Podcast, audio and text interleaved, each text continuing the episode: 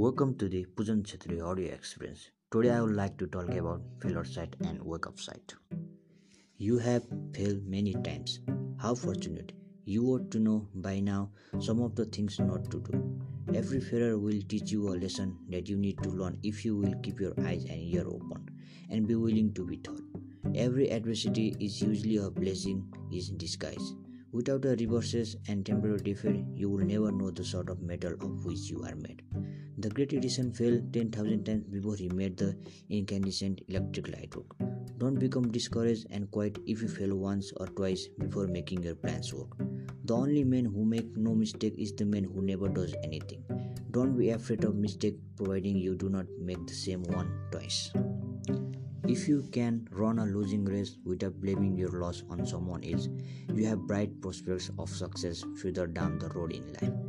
The reason most people don't like to hear the story of your troubles is that they have a big flaw of their own. Think well before you speak because your words may plant the seed of either success or failure in the mind of some other person. It is far better to associate with a few who are right than with the mob which is wrong. Because right is always the winner in the end. Kindness is more powerful than compulsion. Yesterday is but a dream, tomorrow is only a vision, but today well live makes every yesterday a dream of happiness and every tomorrow a vision of hope. Look well therefore to this day when you don't know what to do or which way to turn, smile. This will relax your mind and let the sunshine of happiness into your soul.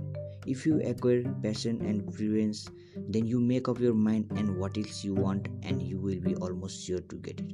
Aspiration is greater than realization because it keeps us eternally climbing upward towards some unattained goal. Great achievement is usually born of great sacrifice and is never the result of selfishness. Thank you so much for listening my podcast. This is all about practice of making podcast. I make podcast because it makes me practice what I want to be and it makes good sleep time and it gives me satisfaction and happiness and motivates me in my life. I said you have to record yourself.